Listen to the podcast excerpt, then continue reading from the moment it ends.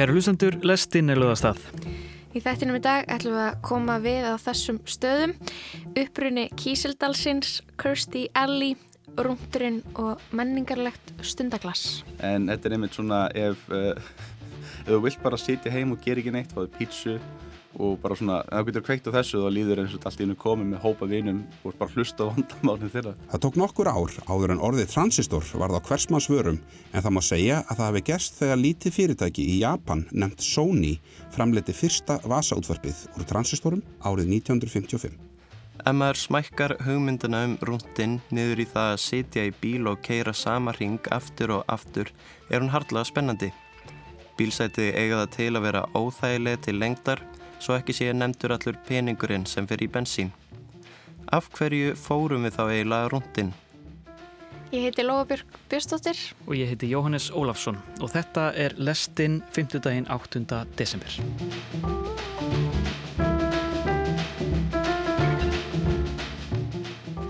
En við ætlum að byrja á jólasögum.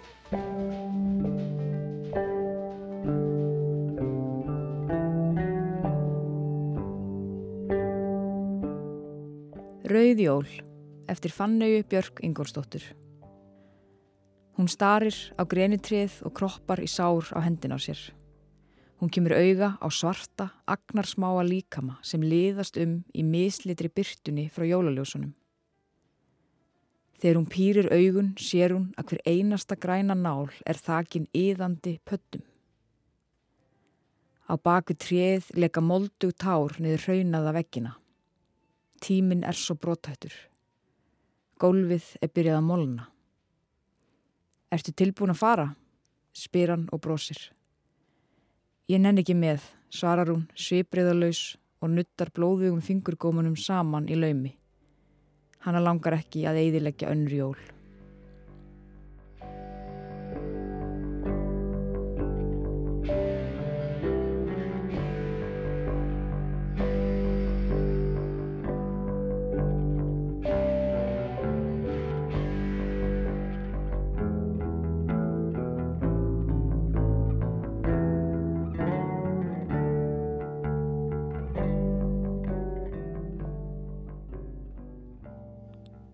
Klær eftir Berglindi Ernu Tryggvadóttur.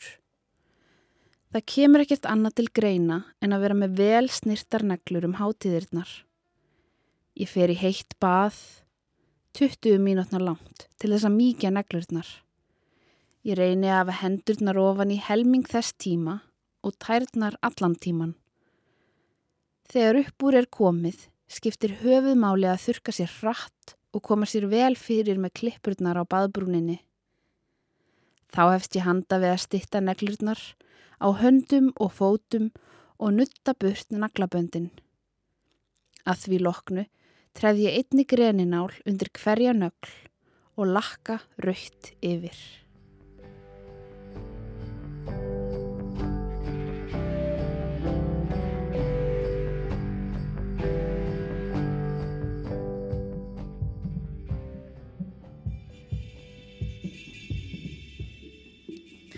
Hver er milliliðurinn millir listaverks og listunenda? Hver græðir og hver tapar? Undanfarin ár hefur nýtt landslag rutt sér til rúms með tilkomu internetsins og við verðumst enn í einhvers konar breytingarferli eða í það minsta er svo staða sem er uppið þegar kemur að því að selja list á netinu umdild og ekki allir sáttir með það hvernig frambóði og eftirspurnir stýrt eða stjórnað og hvernig arðinum af hinnum ímsu greinum er skipt. Eflaust er þetta gömul saga og ný en tæknin hefur markað kaplaskil.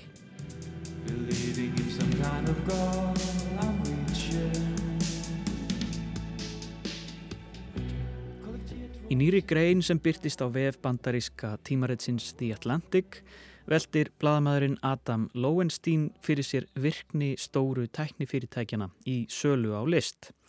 Greinin ber hinn dramatíska titil The Companies That Are Killing Creativity eða fyrirtækin sem er að drepa sköpunargáfuna. Þar tekur Lowenstein nokkur dæmi um stórfyrirtæki sem farin eru fyrir laungurindar að breyta hinnu gamalkunna skiptakerfi millir þeirra sem búa til list og þeirra sem njóta hennar, seljenda og kaupenda. Lowenstein vitnar í bref Jeff Bezos sem þá var enn aðal framkvæmtastjóri Amazon til hlutafa sinna um að fyrirtækið væri að þjóna mannkyninu með því að binda enda á gamaldags fyrirkomulag á borfið bókaútgefundur sem væru milliliðir, höfunda og lesenda. Þar kallar Bezos bókaútgefundur gatekeepers eða hliðverði bókamarkaðarins sem þyrta fjarlæga. Þar að segja þeir hefðu tökl og haldir á lesendum sínum eða neytendum stjórna umferðinni. Kaupendur ættu skilið meira frelsi að mati Bezos. En í raun hafi Amazon aðeins skipt þeim út fyrir annan, stærri og miðstýrðari millilið, sjálft Amazon.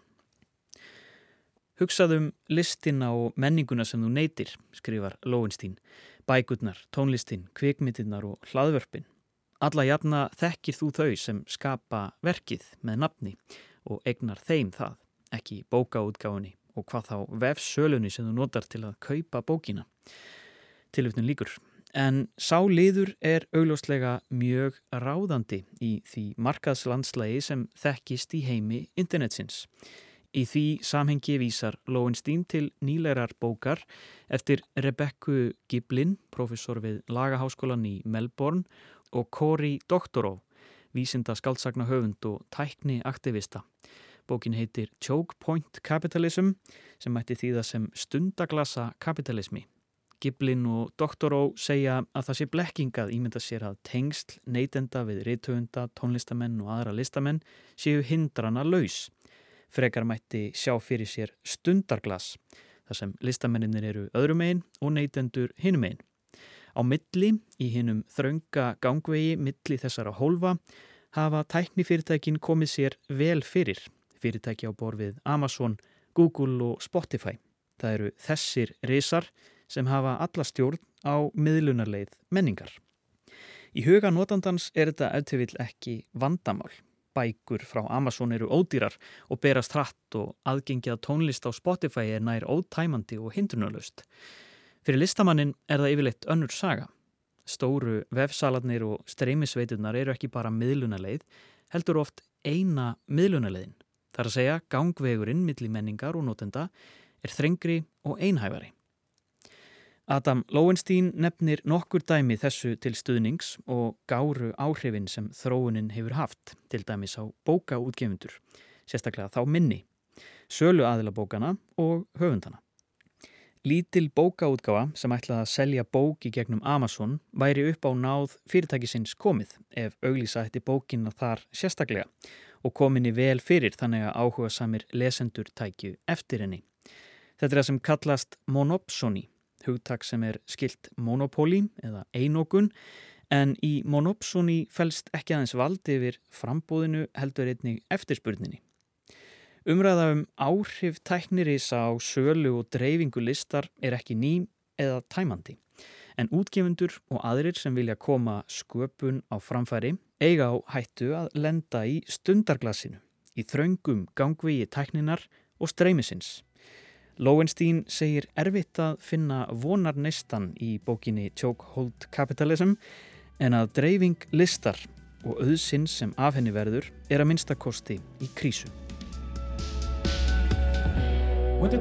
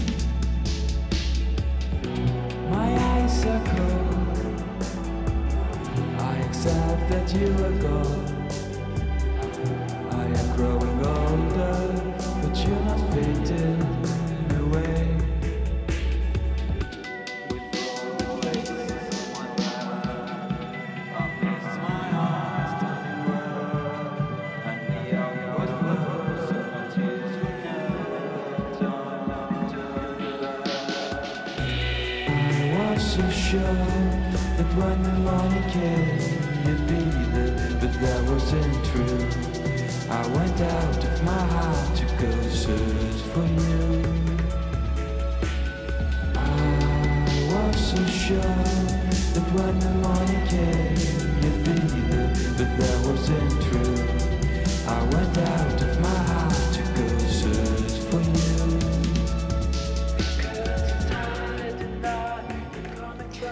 Lægið Hourglass eða Stundaglasið með sveitinni Fufanu af plötunni The Dialogue Series. Já, þetta voru áhugaverar pælingar. Ég hef líka aldrei heyrt þetta orð áður. Hvaða orð var þetta? Mono, Monopsony. monopsony. Já, ég var líka að læra það í dag og ég held ég hafi sko, ekki alveg komið til skila sko, skilgrinningun á því að því að þetta er eiginlega sko, monopoly er þegar það er bara einn seljandi Mhm.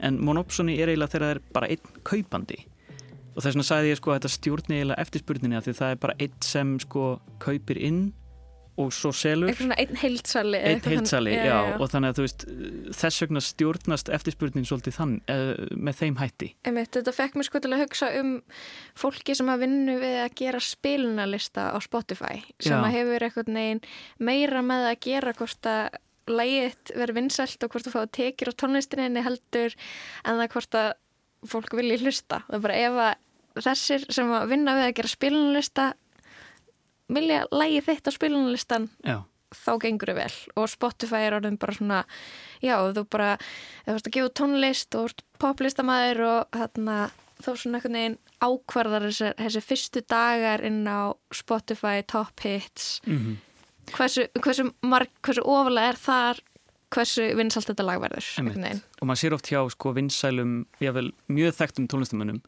að mest spilaða lagið þeirra er kannski ekkit frægasta lagið, heldur bara það sem náði inn á eitthvað playlista, spilunarlista sem að er í mikilli umferð. Mhm. og þá bara tekkar það lang mest og þetta er bara, já, tekju leiðin. En svo er náttúrulega umdeilt eins og ég kom aðeins inn á hvernig og hvað tónlistamenn fá borgað. Og það náttúrulega kemur líka inn á aðrar listgreinar. Það er svona þessa, þetta stundaglass þetta uh, sem að þessi ganguður sem að tækni fyrirtækin eru svolítið búin að taka, taka að sér Einmitt, um, á þessum nótum þá ætlum við að halda áfram aðeins í tækninni. Næstur á mælindaskarveina í lestinni er Viðar Freyr Guðmundsson nemi í rafendaverkfræði. Við heyrum hans fyrsta pistil hér í lestinni en hann ætlar að segja okkur söguna af manninum sem fann upp transistorinn og stopnaði óvart kísildalinn.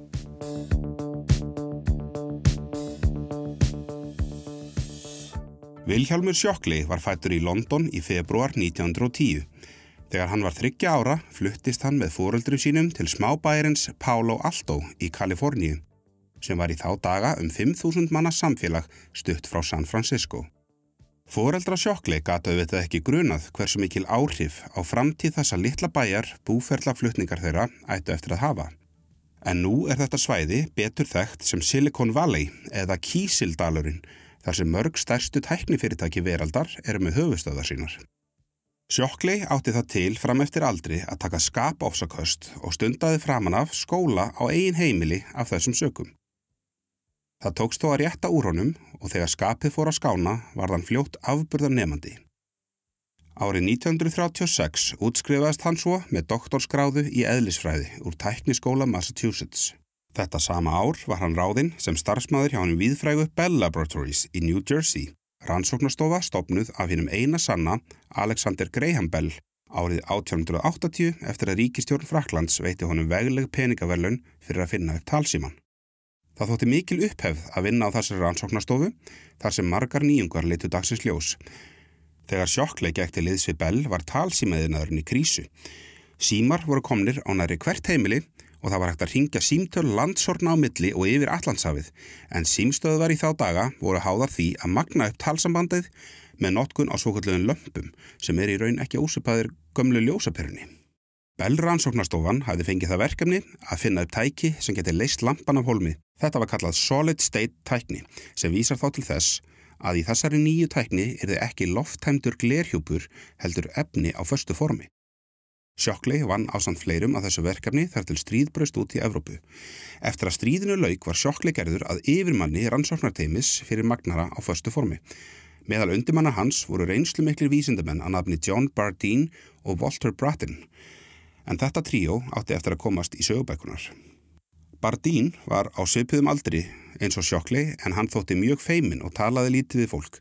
Þeir sem þekktu til hans sögðu þó að þegar hann segði eitthvað væri virkilega þess verið að hlusta því hann kemi yðurlega með gaglegar aðtöðsendir. Hinn frum kvöðlinn sem hér kemur við sögu, Walter Brattin, var nokkuð eldri og reynslumeri. Brattin og Bardín urðu fljótt góðir félagar, jamt utan sem innan vinnu og spiluðu britt, skolf og keilu saman reglulega. Þeir átti líka náið samstarf á rannsóknarstofun Bell undir stjórn Shockley og unnu nánast eins og einn maður. Shockley hins vegar átti ekki marga vini og var harður húsbóndi að vinna fyrir, þannig að undirmenn forðuðust samskipti við hann og heldu mörgu leindu frá honum. Það kom því Shockley í opna sköldu þegar undirmönnum hans tókst rétt fyrir jólin árið 1947 að brjótast í gegnum múrin og smíða fyrsta magnaran á förstu formi. Þetta tæki fekk síðar nafnið Transistor.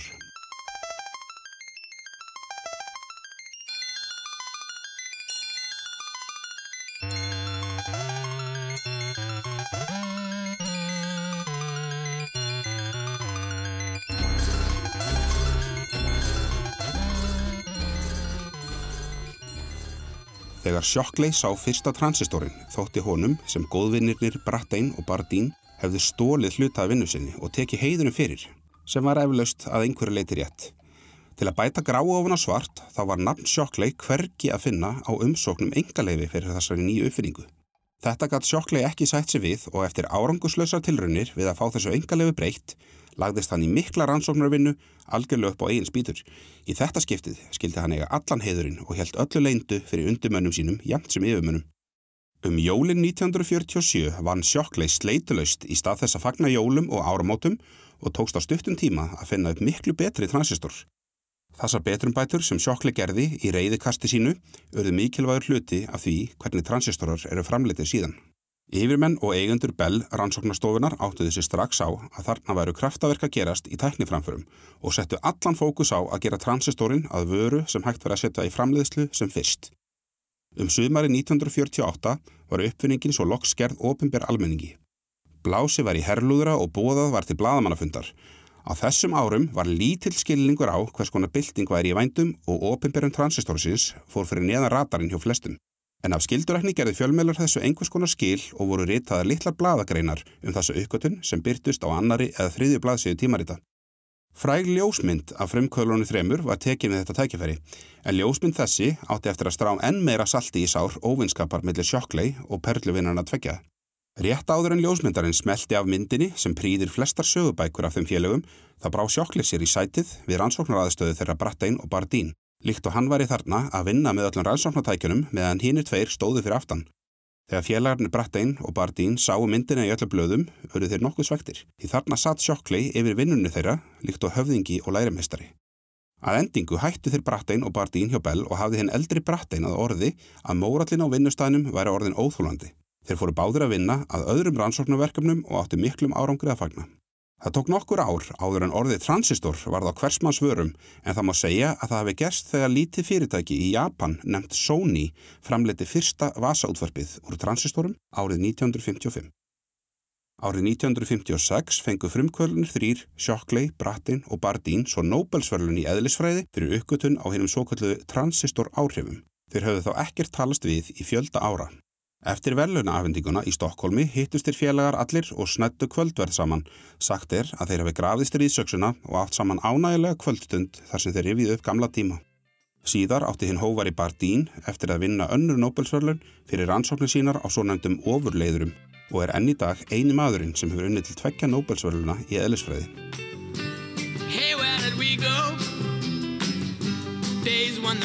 Hey,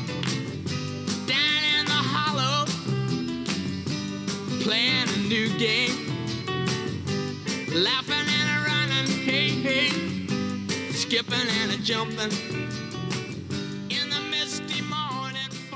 Hér heyrði við Van Morrison flytja brot úr lægi sínu Brown Eyed Girl frá árinu 1967 þar sem hann syngur meðal annars um gönguferð í sumarsól með transistor útvarpið sitt.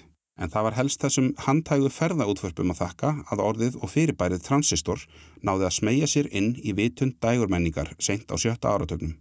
Enda voru hljómtæki þá framleitt og markasett sem transistortæki og þótti það mikil framför að losna við lampana því það gerði tækin mun ódýrari í framleiðslu og rekstri. Eftir Nobelsvölunin tók við nýtt tímabil hjá Shockley, hann var þá orðin frægur og virtur fyrir afreg sín og átti auðvelt með að finna fjárfesta til að stopna sitt eigið fyrirtæki. Hann fluttist þá aftur til bernsku stöða sinna í Palo Alto og stopnaði þær fyrirtækið Shockley Semiconductors. Þetta var fyrsta hátækni fyrirtækið í hinnum síðar nefnda Kísildal. Shockley var að sögn samtíma manna sinna snillingur í að koma auga á hæfileika ríkt fólk og tókst á stuttum tíma að laða til Kísildals landslið af hæfum vísindamönnum til starfa hjá sér. En skapgerðabrestir Shockley voru áallt með í för. Hann var eigingjarn á uppgötana sínar og hjælt þeim leindum fyrir starfsfólki. Sömuleiðis var hann haldinn vænisíki um að starfsfólk reyndi að stela upplýsingum úr fyrirtækinu. Eitt sinn fekk hann þá flugu í höfuðið að rítari hans væri viðriðin slíkt samsæri og fyrirskipaði að allt starfsfólk fyrirtækisins skildi undirgangast legapróf. Starfsfólk hjá Shockley Semiconductors fengu fljótt nóg á honum og reyndu án árangus að fá fjárfesta og meðeigandur í fyrirtækinu til að steipa Shockley af stóli sem framkvæmdastjóra. Átta af líkil starfsmönnum sögðu skilið við Shockley Semiconductors árið 1957 og stopnuðu Fairchild Semiconductors sem er ennstarfandi. Fyrirtæki Shockley lifði ekki lengi en sprótarnir sem urðu til þar áttu eftir að verða margir og svæðið allt í kringum Palo Alto hefur verið miðstöð margra stærstu tækni fyrirtækja heimsins fram til dagsins í dag. Hinn er svikulu átta eins og sjokkli kallaði þá, átti þátti að stopna fjölda fyrirtækja sem breyttu tölvu yðnaðunum til frambúðar.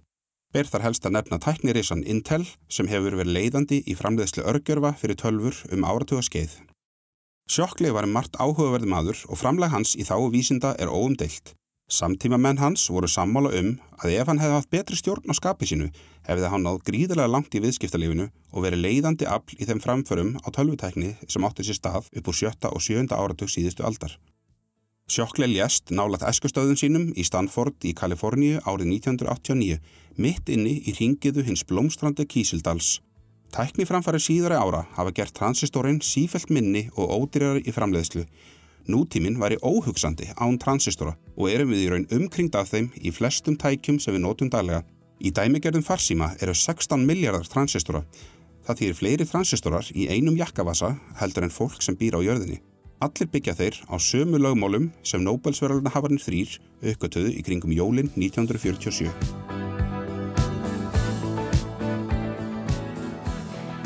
Næst ætlum við að setjast upp í bíl og fara á rúndin með Patriki Björgunsinni, gleym okkur í nostalgíunni og setja Írafár geisladiski í spilan.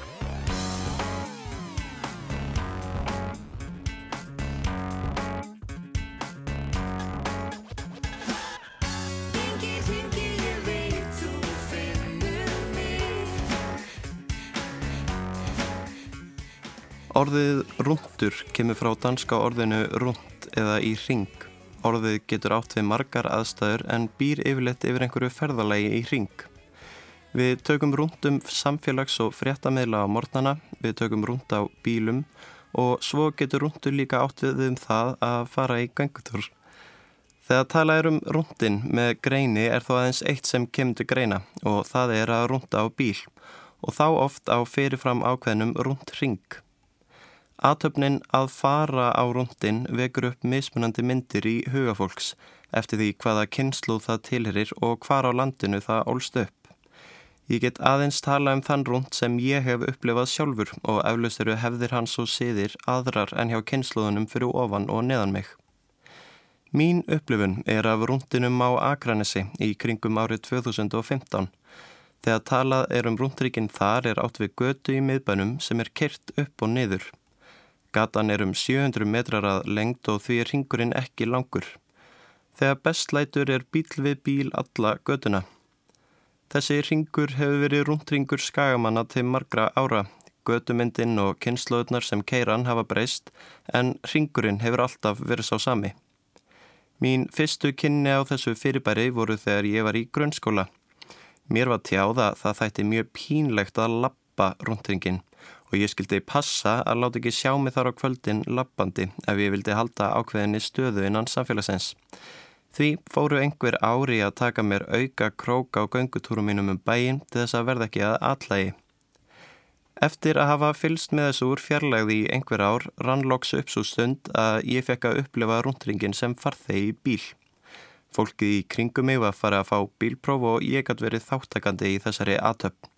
Að keira götuna fram og tilbaka svo klukkutímum skipti, stoppa og spjalla við fólki í næsta bíl, spáði hvort fólk sem var saman í bíl hafi verið í dulli og stökkva svo í annan bíl til þess að komast til bossi í málinu. Þetta var eins konar félagsmiðstöð og slúðurblað á hjólum. Ef maður smækkar hugmyndina um rúndin niður í það að sitja í bíl og keira sama ring aftur og aftur er hún hardlega spennandi. Bílsæti eiga það til að vera óþægileg til lengdar svo ekki sé nefndur allur peningurinn sem fer í bensín. Af hverju fórum við þá eiginlega rúndin? Af hverju vorum við ekki bara í alvörinni félagsmiðstöð þar sem við þurftum ekki að eigða pening í bensín til þess að geta verið saman? Við hefðum eflaust heyrt alveg jafn mikið slúður þar og í bílaröð. Ég held að spurningin sé hluti af svarinu. Það var eins konar mandómsviksla og 17 ára afmæli fólks að taka sinn fyrsta rund sem aukumenn, að vera debutantar í heimi fullorðina, heimi sjálfstæðis. Hluti ímyndarinnar um að vera fullorðin er að geta ráðið sér sjálfur og því tilherir að ráðstafa eigin fjö og geta valið hvar maður er og hvenær. Rúndurinn var holdgerfing þessarar ímyndar. Þú síndir að þú gast ráðið staðsetningu þinni með því að sitjundi stýri og síndir þannig á sama tíma að þú ætti pening til þess að eigða í bensín. Það lítur kannski ekki út eins og mikið sjálfstæði að segjast geta verið hvar sem er en vera svo bara á sama 700 metra radíusnum. En með bílnum síndur þú að ef þú vildir vera einhver staðar annar staðar þá gætir það. Þú bara ákvaðst að vera þarna. Það býr líka eitthvað sjálfstæði í því að velja sér stað og teilenga sér hann. Þá er, ólíkt félagsmiðstöð, engin ofa þér í ábyrð sem skipulökur hvað þú átt að gera eða klukkan hvað þú mátt gera það. Þarna gáttu við látið eins og við værum fullorðin þá við værum það auðvitað langt í frá. Fyrir utan það að sína heiminum hvað við vorum fullorðin var þetta líka hluti af löngu ferli þess að horfa upp á aðra upplifa rúndin og vita að maður fengi að upplifa hans sjálfur þegar að því kemi. Kanski vissu við ekkert af hverju við vorum að þessu, við vildum bara fá að taka þátt í þessari hefð sem aðeins myndast í samfélagi okkar. Það er stundum sagt að það sé ekki áfangastæðurinn sem skiptir máli heldur ferðarleið. Á rúndinum er áfangastæðurinn algjörlega tekin út. Ferðarleið er það eina sem hann er. Engin eiginlegur uppafstæður og engin eiginlegur endir. Lengt ferðarlagsins er í höndum aukumannana frekar en staðana sem það er á milli. Rúndurinn virðist hins vegar vera degjandi fyrirbæri og kannski er það fyrir bestu. Aukin meðvitundum umhverjus áhrif bílaumferðar hefur kannski eitthvað með það að gera. Auk þess sem bensín er orðið alltaf því munarvara og ekki spennandi að eigða peningi það til þess eins að brenna því öllu á sömu gödunni. Bílinn er jafnvel orðin óþarfa hluti af menginu þegar ungt fólk vil sína að það sé orðið fullorðið.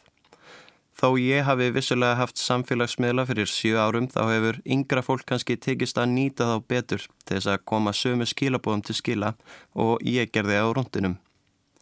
Við erum kannski komin yfir þann þröskuld sem samfélag að þurfa að sína okkur í personu til þess að sína hvar við stöndum. Þessi fullurðing þó að rúndurinn sé að deyja hefur verið hluti af rúndinum í einhver tíma.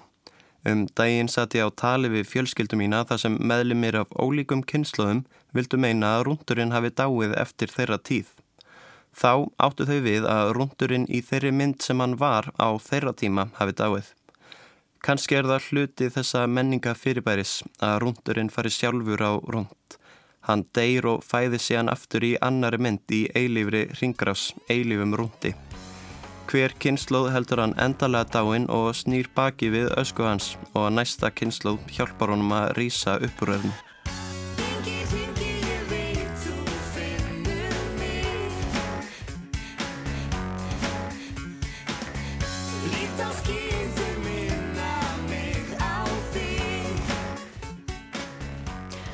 Leikonan Kirstie Alley sem er hvað þekktust fyrir leiksinn í Staupasteini, Cheers, grín þáttum sem hóðu göngu sína árið 1982.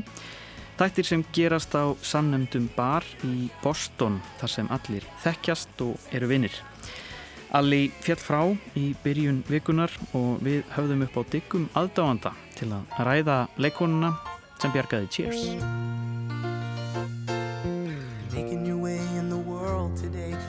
everything you've got. Taking a break from all your worries sure would help a lot. Wouldn't you like to get away? Með frægari upphástefum sjónvastátta upphástef þáttana Cheers, Where Everybody Knows Your Name og hingað í lastina er komin aðdándi þáttana. Bjarni Gautur, verðstu velkomin. Takk fyrir að hafa mig. Er það rétt skilja mér að þú ert mjög mikill Cheers aðdándi? Já, staupasteinn eins og þetta var kallað hérna á sínum tíma. Ég hef búin að vera að horfa á þetta í 30 ár. Ég er 33 ára, búin að horfa á þetta sína á 30 ára. Og það eru fáir þættir sem hafa ja, mikið rewatch value, eins og maður getur sagt sko. Og áttu alla þættina á DFT? Ég á ekki aðeins alla þættina DFD heldur á ég marga þeim á Vaffa S. Sometimes you wanna go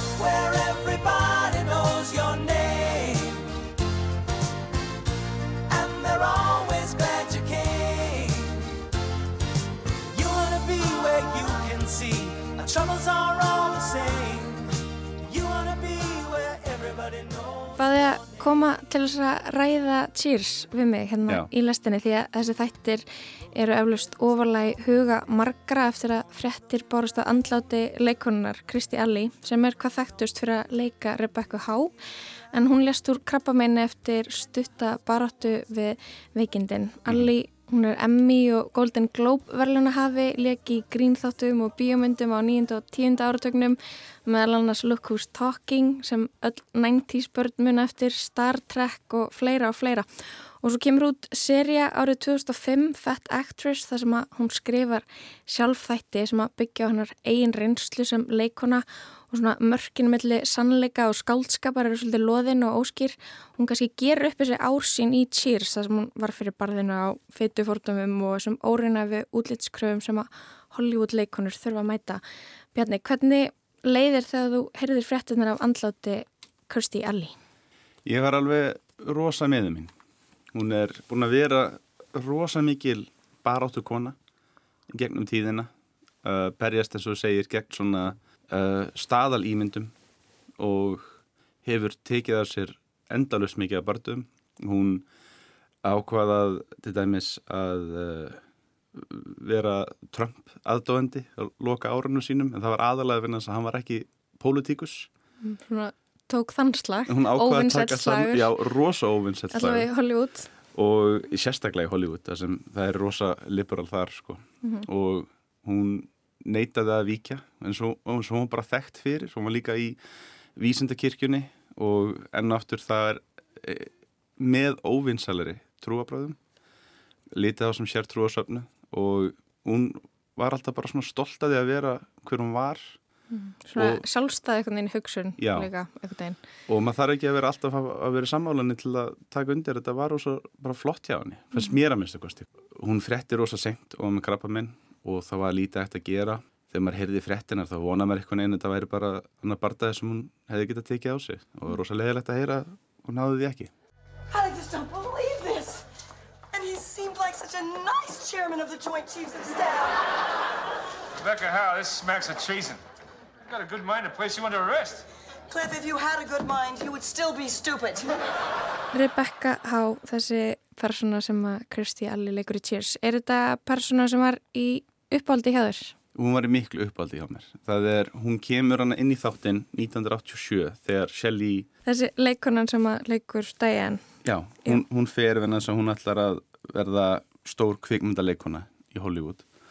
Og þeir þurfa að fá eitthvað til að taka við af henni. Og þeir fá Kirstie Alley og sem var nýbúin að leika í myndinni Summer School sem var svona surprise hittari þetta árið. Og hún kemur inn 1987 og þetta er alveg svona stórir skór til að fylla í. Þannig að þess að þátturinn er búin að vera rosa mikið um Sam og Diane. Veist þetta er svo þekkt kombo að maður segir þetta með þess ennþá í dag þú ert að tala um þetta kallað will they, won't they í, og þekkt, þekkt sitcom tróp, það eru ótaf að gera gott sitcom gama mynda þáttaröð, þú reynir að hafa will they, won't they, Friends var með þetta með Ross og Rachel, Office, Jim og Pam. Jim og Pam. How I Met Your Mother var með þetta líka milli Robin og Ted. Og þetta byrjaði rauninni hjá Cheers milli Sam og Diane, það er bara svona hvernig ætlar að fá fólk til að halda áfram að horfa fjögur ári rauð á sjónvarstátt Mhm, Það sem eitthvað par er mögulega að fara að enda saman eða ekki. en svo ert með fólk sem vill annarkvort að þið eru saman Mm. og fólk sem að þið ekki saman. Þú allir fara að horfa alltaf á hvað er að fara að gerast. Hún, Kirsti Elli, hún kemur inn en hún fyrir að reka barinn og, og Sam verður barþjóðnin hennar en það, Já. því var öfugt farið áður þannig að hún kemur inn sem eitthvað svona svolítið framakona. Já, og þegar hún kemur inn, þá, en aftur, þetta ætti ekki að virka, en svo með Sam og Diane, en hún kemur inn, tekur við, verður hana lengur en Diane og þetta verður eiginlega runni skemmtilegra, menn þess að hún er svo miklu meira svona three-dimensional karakter. Í staðin fyrir að bara vera manneska sem Ted Danson vil sofa hjá, þá er hún einmitt þessi uh, óvinnur, hún er manneska sem tekur við barnum og hún kemur inn og það sem er rosa erfitt þess að hún þarf bæði að vera kynæsandi þetta er eitthvað sem kallleikarnir þurfa ekki að hafa ágjör af og líka að vera fyndin. Uh, það var rosa vinsald á þessum tíma að vera með þessi svona business svona típa en ofta sem svona uh, Donald Trump og, svona, og Wall Street myndina voru búin að kasta svona eins út í heiminn. Mhm. og það var rosa mikið ítundir að konu gæti þetta líka. Hún er svona girlboss. girl boss nefnilega. Og hún nærði rosa vel. Og ég myndi segja sem finnustu atriðin í en þess að hún er uh, oftar en að finna sér góðan kallmann það er hann að miljónamæringu sem hann er rosa skotin í. Og ég myndi segja að, og hún vil líka auðvitað að yfirmaðurinn tekur eftir henni. Hún er að standa sér svo vel. Og ég myndi segja að finnustu atriðin í þáttunum eru með henni þar sem hún svona missir kúlið og hún næra leika það svo ógeðslega vel og annaftur það er ekkert eitthvað létt að taka kannski dramatist uh, handrit Mm. eða moment og gera það fyndið You just go back over there and do whatever it was you were doing, and I will get out of your life forever. Rebecca, I... Sam, please. It'll make it a lot easier.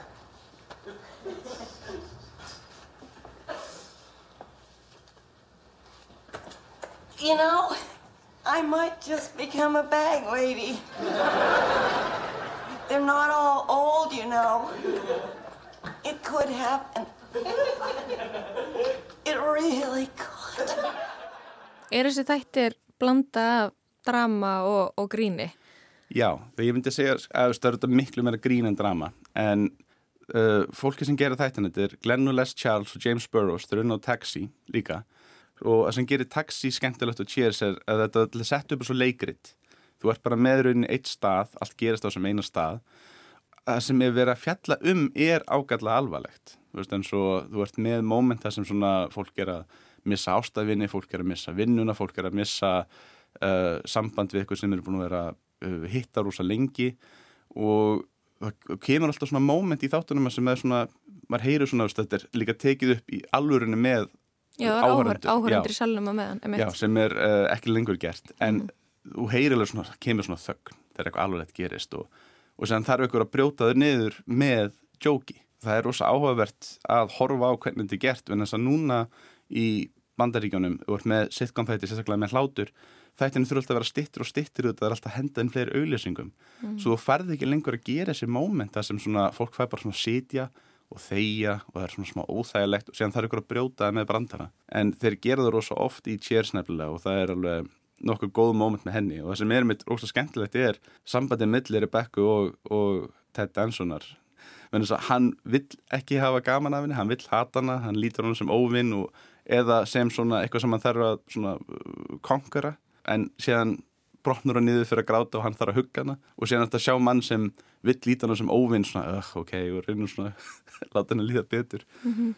En hún er mitt, já, hún kemur hann inn í sjöttseri og rauninni kannski vegna hennar sem að Cheers heldur áfram í margar seríur í viðbútt. Þetta eru, þetta eru 11 þáttaræðir, þetta eru 275 hálftíma langir þættir sem hafa verið gerðir af þessum þáttum. Hvað gerir þetta að svona góðum þáttum á þínum mati? Hvað elskaru við Cheers? Akkur hefur þú horta á þetta svona oft? Þetta er ótrúlega vel skrifað, myndi ég að segja og personunar eru svo skemmtilegar. Þetta eru það eru fáið þættir sem uh, þetta er líka svo stór kast af karakterum Það eru svona marga personur. Það eru rosa marga personur Mhm. og, um, og allir hafa svona sin einn heim og einn sögu þrá þannig sé og margir eru, eru rosa svona teknir úrgur sem þú myndir kannski sjá í alveg heiminum svo þú getur leitað við personuna sem þú sér í þáttunum Mhm.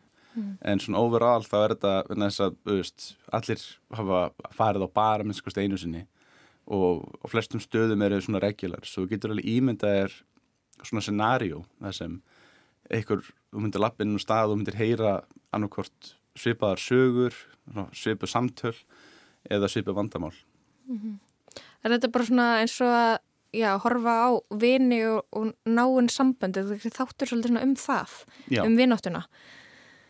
þessi þættir og aðri þættir sem koma eftir á eins og Friends hafa verið svona kallaði Friend Simulators og í dag höfum við runni hlaðvörpin en þetta er einmitt svona ef, uh, ef þú vilt bara sitja heim og gera ekki neitt, fáðu pítsu og bara svona, þú getur kveikt á þessu þá líður eins og allt í hennu komið með hópa vinum og bara hlusta vandamálinn þeirra Mm um mitt.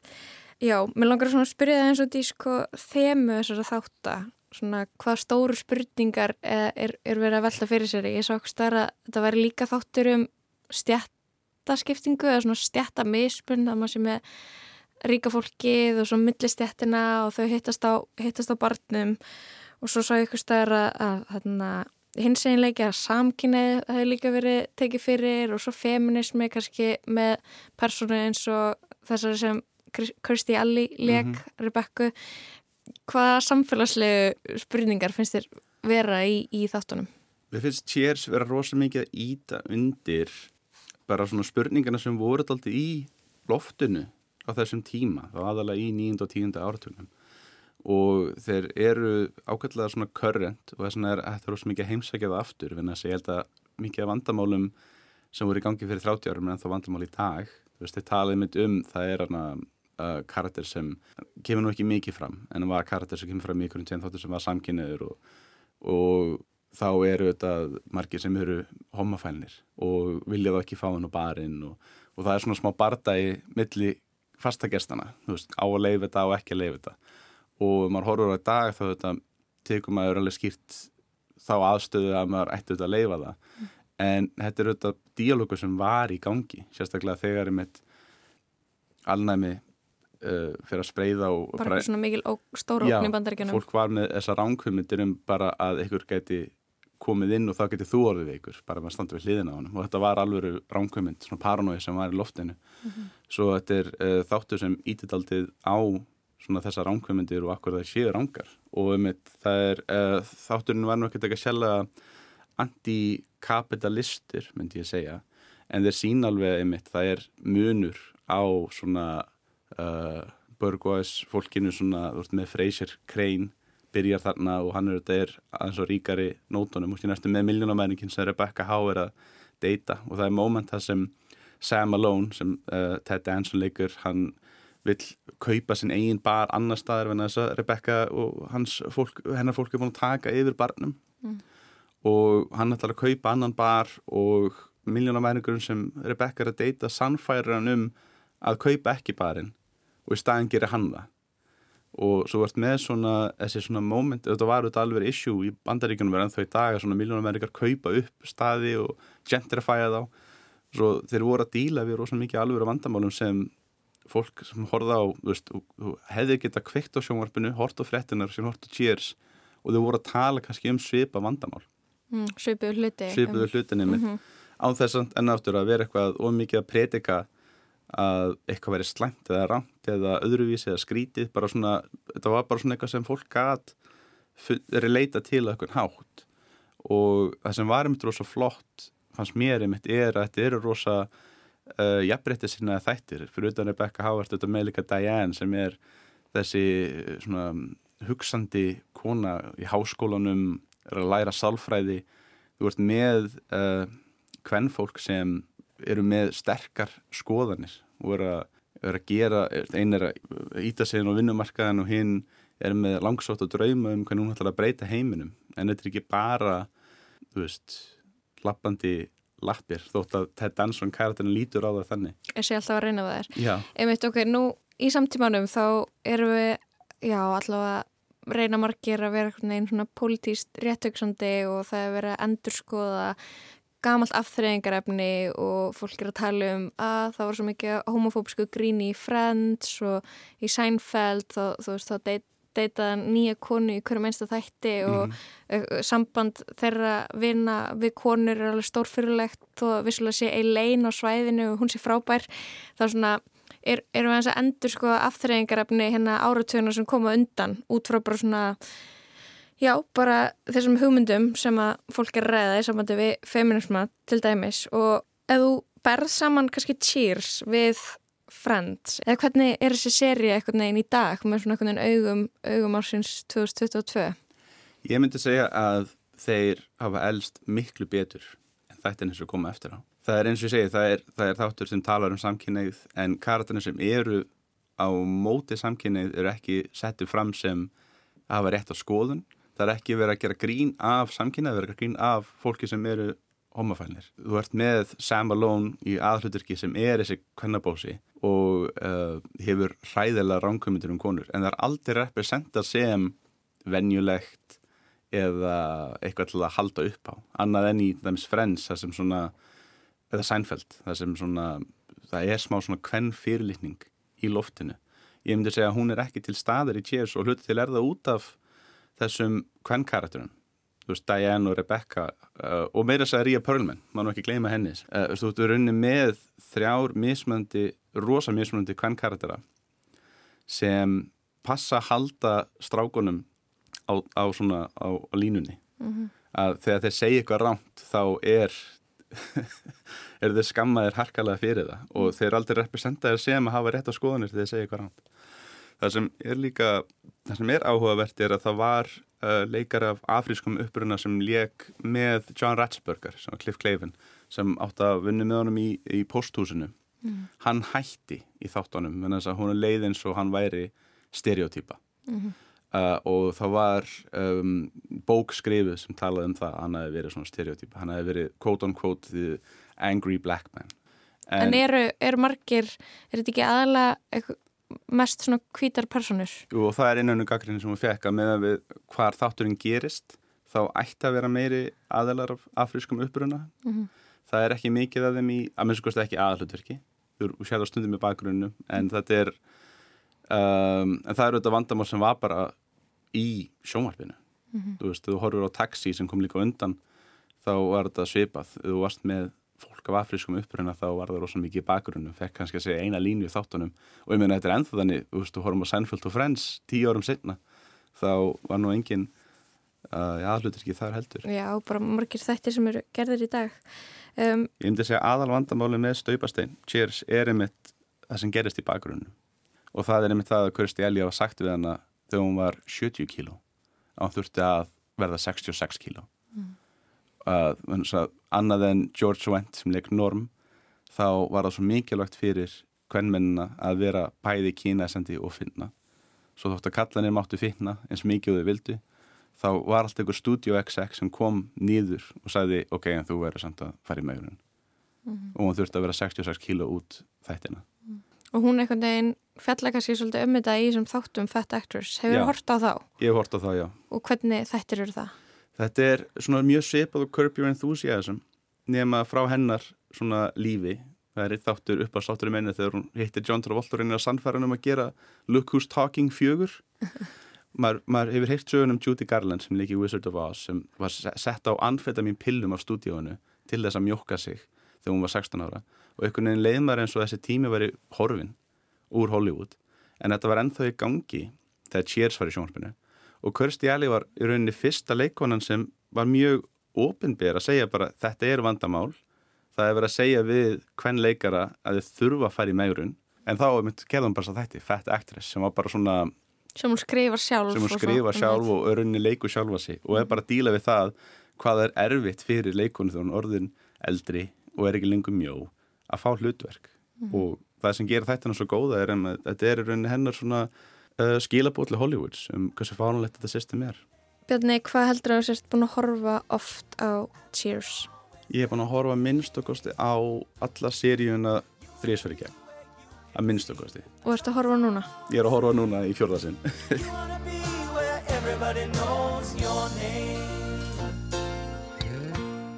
Ég myndi segja það sem er svo fyndið við Cheers ástæðan okkur maður getur horta á aftur, aftur, aftur það er ekki neyn slæm seri ég finn engan mun á, á uh, qualityinu það, það dettur ekkert niður í neinum serjum Bjarni Gautur, þakka þér kellaði fyrir komuna í lestina. Takk fyrir að koma að tala við okkur um Kirstie Alley og, og Staupastein. Já, takk einlega fyrir mig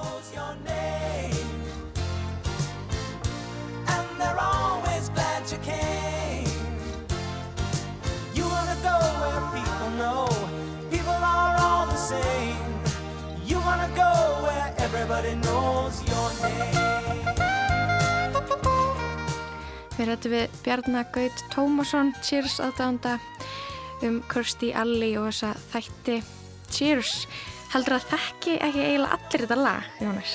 Ég held það. Líka fólk sem hefur ekki séð þáttinn. Það það getur sungið með. Já, Þetta er svo frækt lag. Mhm. uh, en mér er svolítið merkilegt sko hvað æfi Kirstie Alley er einhvern veginn þvarsagnakent. Þannig að vorum að tala um það. Hún sko bæði einhvern veginn er hún uh, að berjast gegn fytufordum í Hollywood og verður einhvern veginn þessi, uh, þessi er þessi sterkir kvennkarakter sem að lætur taka mark á sér og er svona stór og fyrirfæra mikil uh, karakter sko Mhm. og, og svo er hún samt einhvern veginn líka